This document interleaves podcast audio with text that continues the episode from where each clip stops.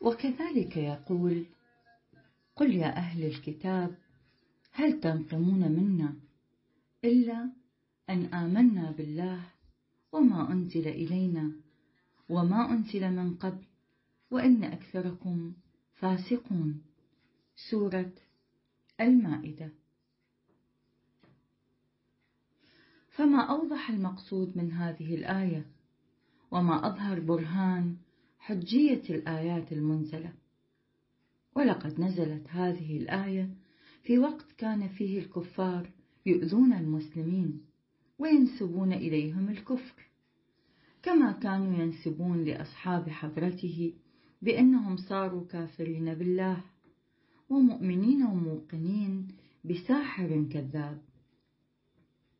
وفي صدر الإسلام لما كان الأمر بحسب الظاهر لم تكن له قوة فإنهم كانوا كلما لقوا أصحاب تلك الحضرة في أي مقام ومكان كانوا يعملون على نهاية الأذية والزجر والرجم والسب لأولئك المقبلين إلى الله.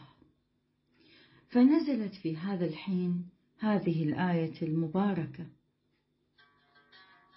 من سماء الأحدية وعلمت أصحاب تلك الحضرة ببرهان واضح ودليل لائح أن يقولوا للكافرين والمشركين هل تؤذوننا وتظلموننا وما صدر منا عمل؟ إلا إن آمنا بالله وآياته النازلة علينا من لسان محمد.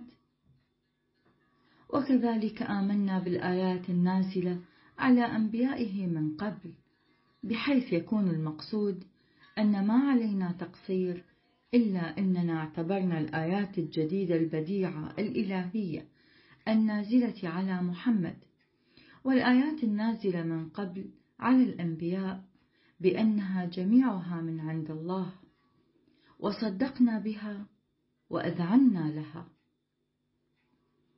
هذا هو الدليل الذي علمه سلطان الأحدية لعباده. مع ذلك هل من الجائز أن يعرضوا عن هذه الآيات البديعة التي أحاطت الشرق والغرب ويعدوا أنفسهم من أهل الإيمان؟ أو إنهم يؤمنون بأن منزل الآيات لا يحسب المقرين بها من أهل الإيمان بناء على هذا الاستدلال الذي قرره؟ حاشا ثم حاشا.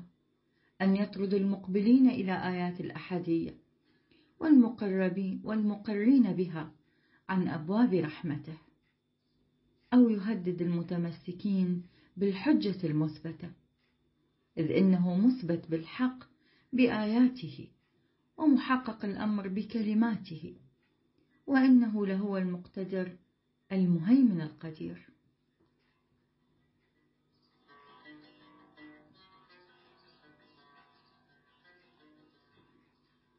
وكذلك يقول عز من قال ولو نزلنا عليك كتابا في قرطاس فسلموه بأيديهم لقال الذين كفروا إن هذا إلا سحر مبين. سورة الأنعام.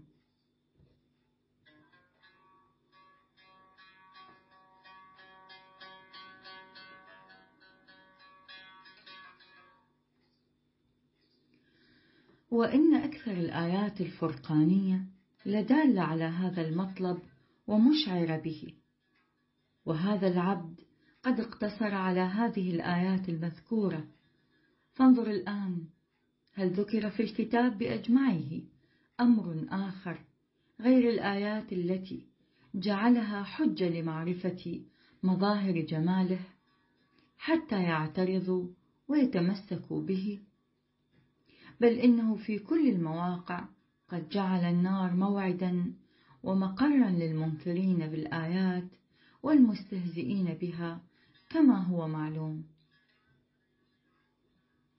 والآن لو يأتي إنسان بالآلاف المؤلفة من الآيات والخطب والصحايف والمناجات دون أن يكون قد تعلمها من أحد بالعلوم الاكتسابية فبأي دليل يستدل به الذين يعرضون عنها ويحرمون أنفسهم من هذا الفيض الأكبر؟ وماذا يقولون في الجواب من بعد عروج الروح من الجسد الظلماني؟ أي يتمسكون بقولهم إنا تمسكنا بالحديث الفلاني؟ ولما لم نجد تحقق معناه بحسب الظاهر لذا اعترضنا على مظاهر الأمر وابتعدنا عن شرائع الحق. أما سمعت بأن من جملة البراهين والأدلة على أحقية بعض الأنبياء من أولي العزم كان نزول الكتاب عليهم وإن هذا لدليل مسلم به. وهل يجوز مع هذا أن يعترضوا على من ظهر منه؟ مجلدات عدة وأن يتبع يتبعوا في حقه أقوال شخص أحمق جمع بعض أقوال عن طريق الجهل لإلقاء الشبهة في القلوب وأصبح شيطان العصر وسبب الغفلة للعباد وإضلال من في البلاد. وبذا يحرمون أنفسهم من شمس الفيض الإلهي. وبصرف النظر عن هذه المراتب إذا هم احترزوا من هذه النفس القدسية وأدبروا عن هذا النفس الرحماني فإني لا أدري بمن يتمسكون وإلى أي وجه يقبلون. بلى ولكل وجهه هو موليها فقد هديناك السبيلين في هذين المنهجين. ثم امش على ما تختار لنفسك. وهذا قول الحق وما بعد الحق إلا الضلال.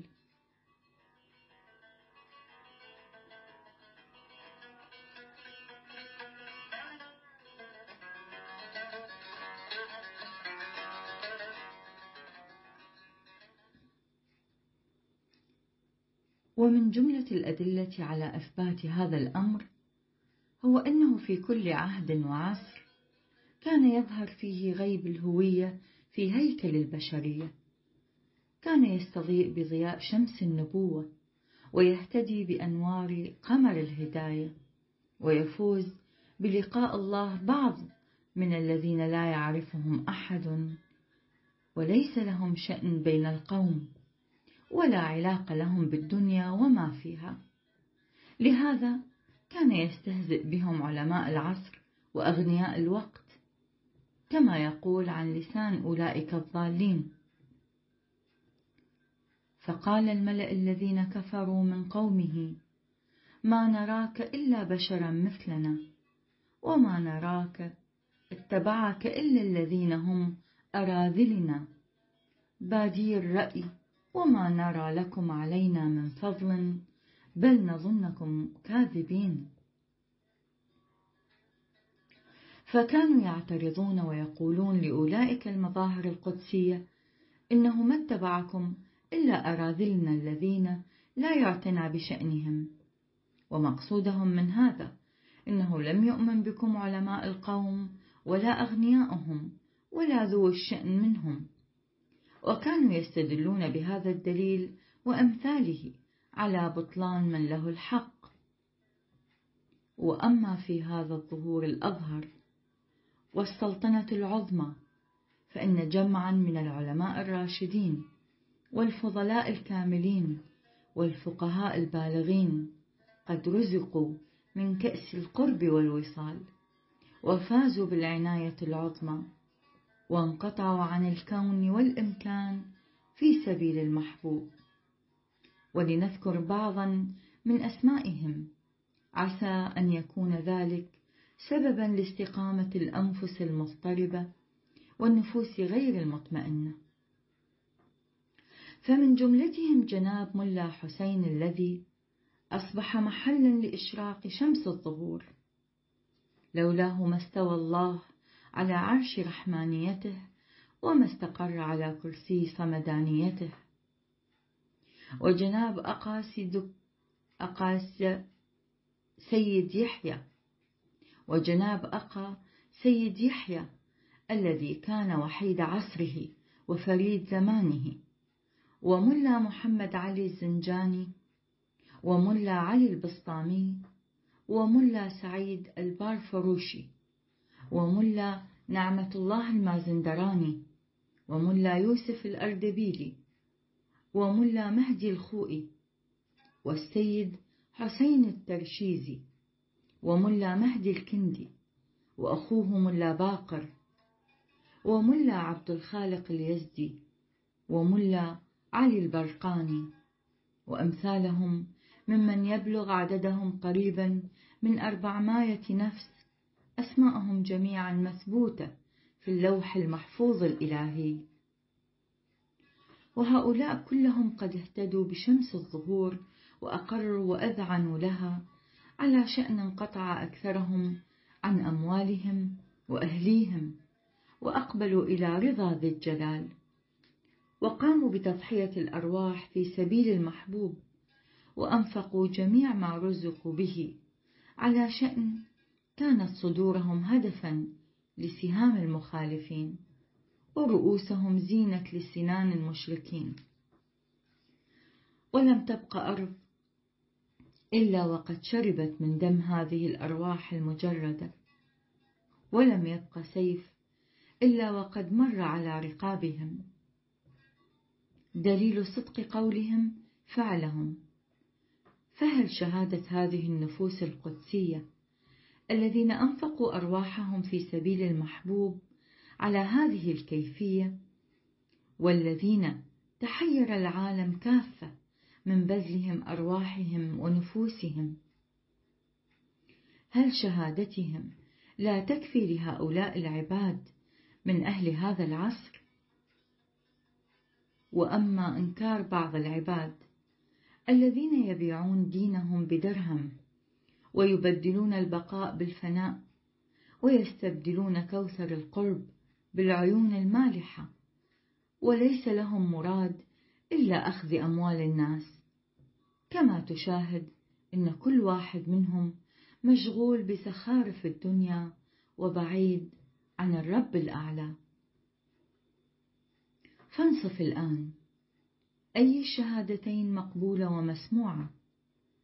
أشهادة الذين وافق قولهم فعلهم وطابق ظاهرهم باطنهم على نحو تاهت العقول في أفعالهم وتحيرت النفوس في اصطبارهم وبما حملت أجسادهم أم شهادة هؤلاء المعرضين الذين لا يتنفسون إلا بأهواء أنفسهم والذين ليس لهم نجاة من قفص الظنونات الباطلة والذين لا يرفعون رأسهم عن الفراش نهارا إلا للسعي في طلب الدنيا الفانية كالخفاش الظلماني.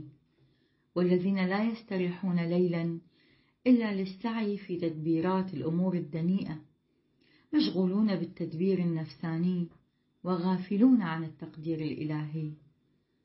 بالنهار يشتغلون في طلب المعاش بأرواحهم وفي الليل يأخذون في تزيين أسباب الفراش.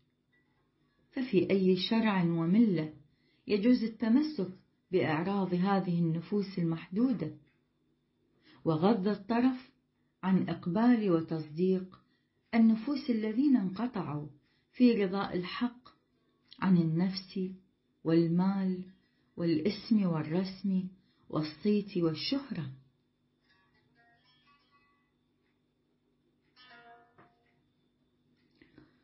ألم يكونوا يعتبرون من قبل إن أمر سيد الشهداء الحسين بن علي كان أعظم الأمور وأكبر الأدلة على أحقية حضرته؟ وكانوا يقولون بأنه ما حدث في العالم أمر مثله. وما ظهر حق بهذه الاستقامة وبهذا الظهور مع أن أمر حضرته لم يمتد لأكثر من الصبح إلى الظهر. ولكن هذه الأنوار المقدسة قد قضت ثمانية عشر عاما. والبلايا نازلة عليهم كالمطر من جميع الجهات. وهم ينفقون الروح بكل ارتياح في سبيل السبحان. بمنتهى العشق والذوق والحب والمحبة كما هو واضح ومثبوت للجميع. فكيف مع هذا يعدون هذا الأمر سهلا؟ هل ظهر في أي عصر مثل هذا الأمر الخطير؟ وإذا لم يكن هؤلاء الأصحاب مجاهدين في الله فمن غيرهم يكون مجاهدا؟ وهل هؤلاء كانوا طلاب عزة ومكانة وثروة؟ وهل كان لديهم مقصد غير رضاء الله؟ وإذا كان كل هؤلاء الأصحاب مع ما لهم من هذه الآثار العجيبة والأفعال الغريبة على الباطل فمن غيرهم يكون لائقا لدعوى الحق. قسما بالله إن فعلهم هذا لحجة كافية ودليل واف لجميع من على الأرض. لو كان الناس في أسرار الأمر يتفكرون. وسيعلم الذين ظلموا أي منقلب ينقلبون. سورة الشعراء. وعلاوة على ذلك فإن علامة الصدق والكذب معلومة ومقررة في الكتاب. فيجب أن يمتحن ادعاء ودعاوي كل العباد بهذا المحك الإلهي حتى يميز الصادق من الكاذب. ولهذا يقول فتمنوا الموت إن كنتم صادقين. سورة الجمعة. فانظروا الآن كيف إنه مع وجود هؤلاء الشهداء الصادقين الذين نص الكتاب شاهد لهم على صدق قولهم كما رأيت إنهم جميعا أنفقوا أرواحهم وأموالهم ونساءهم وأولادهم وكل ما يملكون وعرجوا إلى أعلى غرف الرضوان فهل شهادة هذه الطلعات العالية والأنفس المنقطعة في تصديق هذا الأمر العالي المتعالي تكون غير مقبولة؟ وهؤلاء القوم الذين يتركون المذهب لأجل الذهب ويحترزون عن أول ما صدر من جانب الله لأجل الجلوس في الصدر تكون شهادتهم على بطلان هذا النور اللائح جائزة ومقبولة؟ مع أن جميع الناس قد عرفوهم وعلموا من أطوارهم إنهم لا يتجاوزون عن الاعتبار الظاهري الملكي بمقدار ذرة واحدة في سبيل الدين الإلهي. فكيف إذا بلغ التجاوز إلى النفس والمال وغيره؟ فانظر الآن. كيف أن المحك الإلهي قد فرق بنص الكتاب وميز الخالص من المغشوش. ومع ذلك هم إلى الآن غير مستشعرين. وفي نوم الغفلة مشغولون بكسب الدنيا الفانية والرياسة الظاهرية. يا ابن الإنسان قد مضى عليك أيام واشتغلت فيها بما تهوى به نفسك من الظنون والأوهام.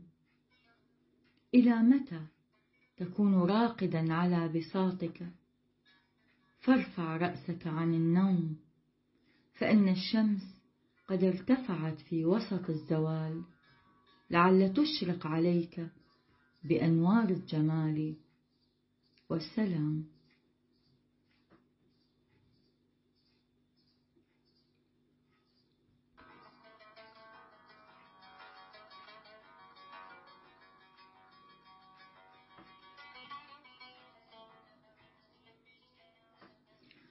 ولكن فليعلم بأن هؤلاء العلماء والفقهاء الذين ذكروا لم يكن أحد منهم من ذوي الرياسة الظاهرة لأن من المحال أن يتبع الحق علماء العصر المقتدرون والمعروفون والجالسون على صدر الحكم والمستقرون على سرير الأمر إلا من شاء ربك. فإن مثل هذا الأمر لم يظهر في العالم إلا قليلا وقليل من عبادي الشكور. سورة سبأ. كما أنه لم يقبل في هذا العهد أحد من العلماء المشهورين الذين كانوا في قبضة حكمهم زمام الناس بل سعوا في دفع هذا الأمر ورده بتمام البغض والإنكار. على نحو لم تسمع به أذن ولم تره عين. ولقد أصدر حضرة الباب الرب الأعلى روح ما سواه فداه توقيعا مخصوصا لجميع علماء كل بلد. ذكر في توقيع كل منهم مراتب إعراضه وإغماضه بالتفصيل. فاعتبروا يا أولي الأبصار سورة الحشر. ومقصوده من هذا الذكر هو لكي لا يعترض أهل البيان حين ظهور المستغاث في القيامة الأخرى بأنه في ظهور البيان قد آمن جمع من العلماء. فلماذا لم يحصل مثله في هذا الظهور؟ ويتمسكون والعياذ بالله بأمثال هذه الزخارف. ويحرمون أنفسهم من الجمال الإلهي.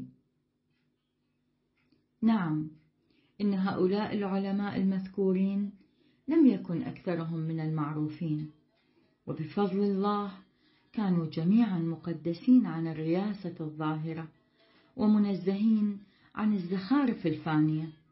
ذلك من فضل الله يؤتيه من يشاء.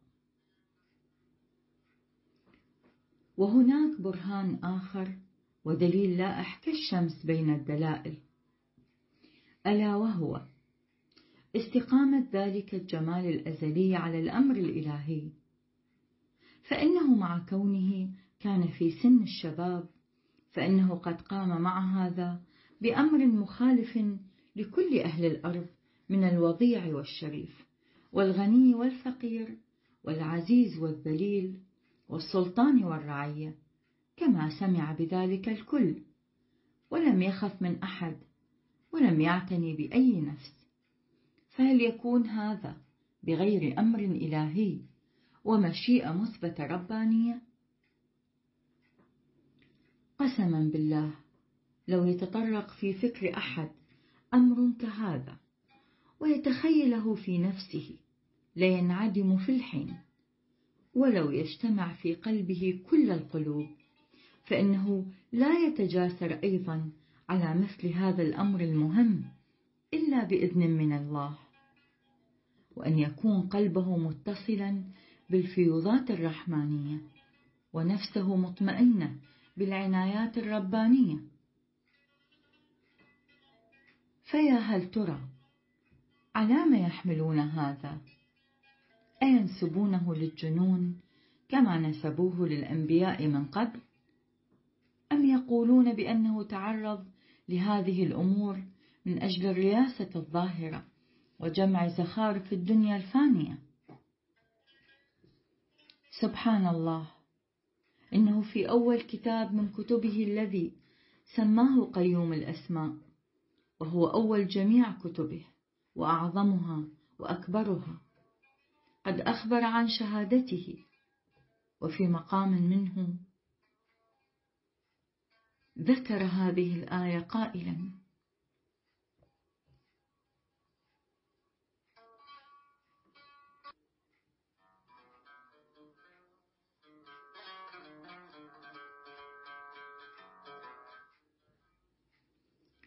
يا بقية الله قد فديت بكل لك.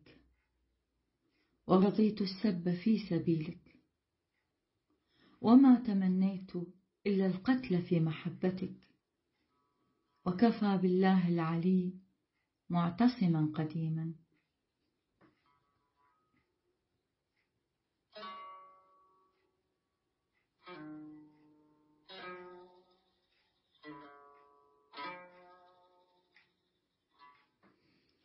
وكذلك في تفسير حرف الهاء تمنى لنفسه الشهادة قائلا. كأني سمعت مناديا ينادي في سري افد أحب الأشياء إليك في سبيل الله.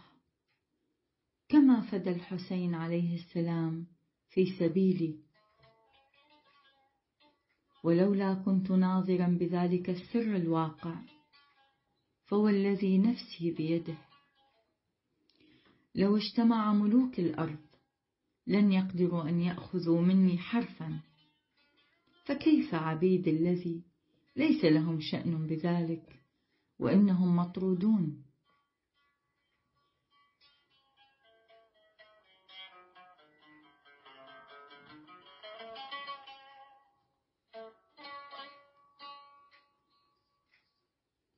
إلى أن قال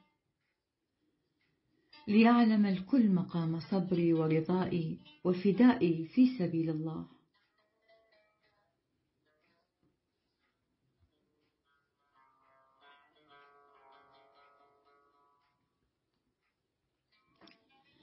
فهل يمكن أن ينسب إلى صاحب هذا البيان بأنه يمشي على غير الصراط الإلهي أو أنه طلب أمرا بغير رضائه؟ إن في هذه الآية لمكنون نسيم انقطاع بحيث إذا هب لينفق جميع هياكل الوجود أرواحهم وينقطعون عن أنفسهم. فانظروا الآن إلى الناس كيف إنهم كالنسناس في أفعالهم الدنيئة وجاحدون للحق غاية الجحود بحيث يغضون الطرف عن كل هذا ويركضون خلف جيف عديدة يرتفع من بطونها ضجيج أموال المسلمين.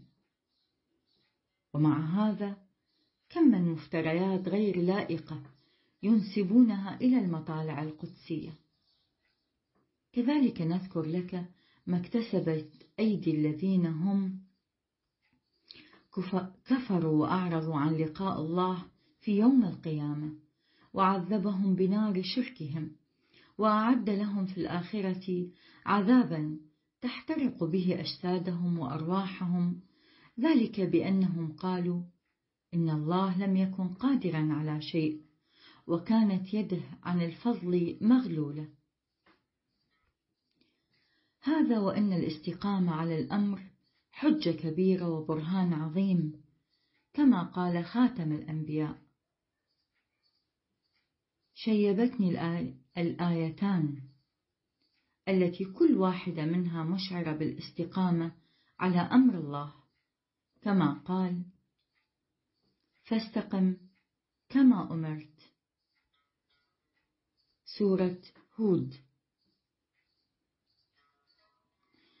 فانظر الآن كيف قد بلغت هذه السدرة الرضوانية السبحانية أمر الله في أول شبابها.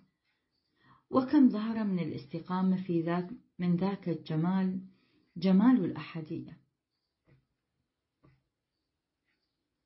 فانظر الآن كيف قد بلغت هذه السدرة الرضوانية السبحانية أمر الله في أول شبابها. وكم ظهر من الاستقامة من ذاك الجمال جمال الأحدية بحيث إنه قام كل من على الأرض على منعه. ولم يأت ذلك بثمر أو فائدة. بل كل ما كان يرد منهم من الإيذاء على تلك السدرة سدرة طوبة كلما كان يزداد شوقه ويزداد اشتعال نار حبه. وكل هذا واضح لا ينكره أحد. إلى أن فدى أخيرا بروحه وصعد إلى الرفيق الأعلى.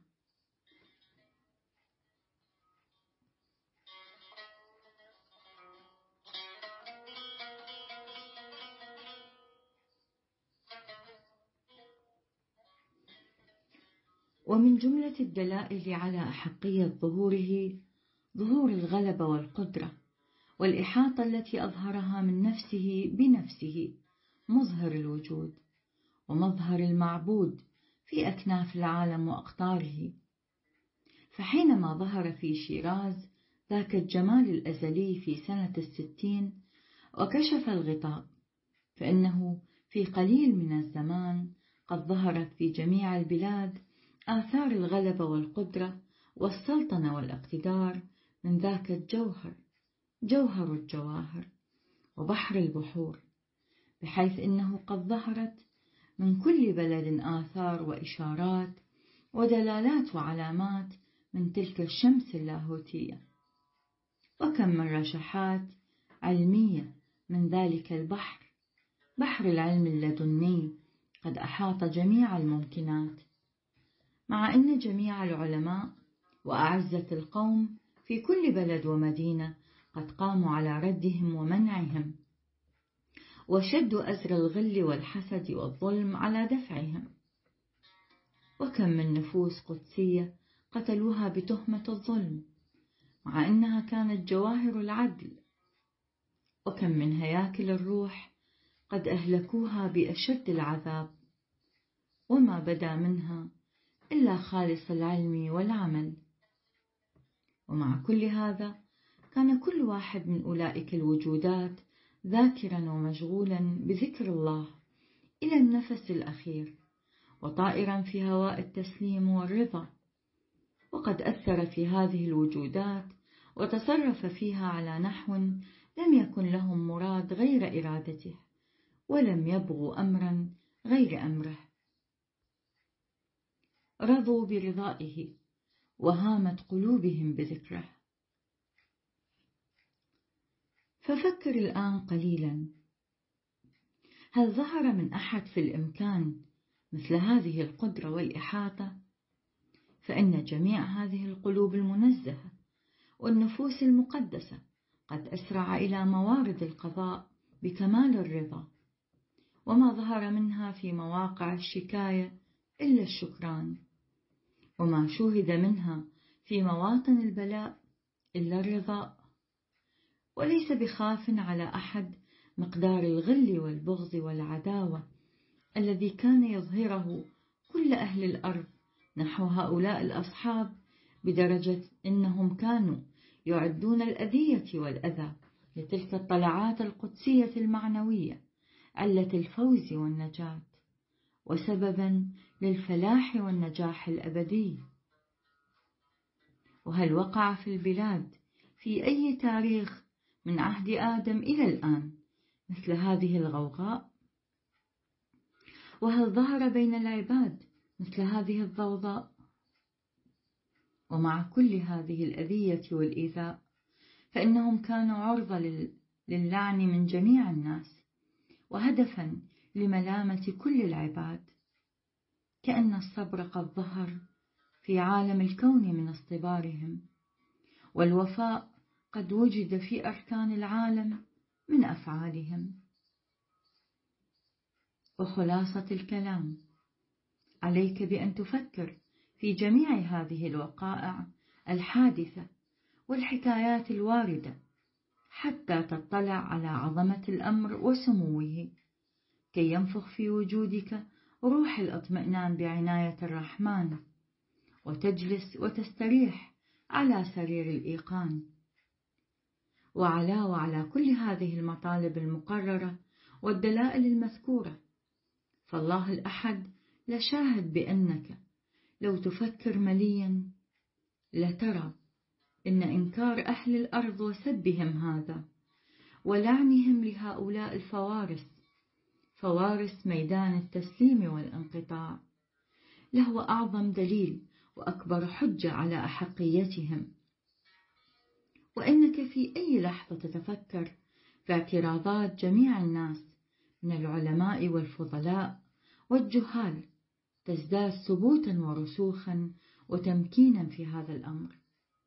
لأن كل ما قد وقع قد أخبر به من قبل معادن العلم اللدني ومهابط الأحكام الأزلية. ولو أن هذا العبد لا يريد أن يذكر الأحاديث التي وردت من قبل ولكن نظرا لمحبة ذاك الجناب نتلو عليك بضع من الروايات التي تناسب هذا المقام مع أنه في الحقيقة لا حاجة لذكرها لأن كل ما قد ذكر يكفي الأرض ومن عليها. وفي الحقيقة قد ذكرت جميع الكتب وأسرارها في هذا المختصر بحيث لو يتأمل أحد قليلا ليدرك مما ذكر مما ذكر أسرار الكلمات الإلهية والأمور الظاهرة من ذاك السلطان الحقيقي. ولكن لما لم يكن كل الناس على شأن واحد ولا من رتبة واحدة.